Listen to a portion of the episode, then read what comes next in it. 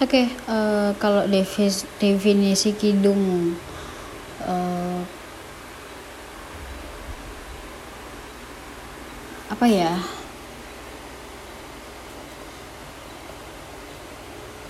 Kayak sastra uh, karya sastra puisi yang ada kaidahnya sih menurut aku.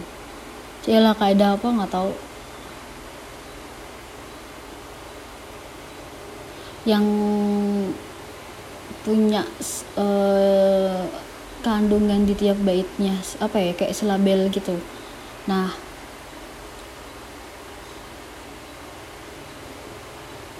nah jadi tuh uh, bagian baitnya tuh juga pakai bunyi tertentu misalnya a i u.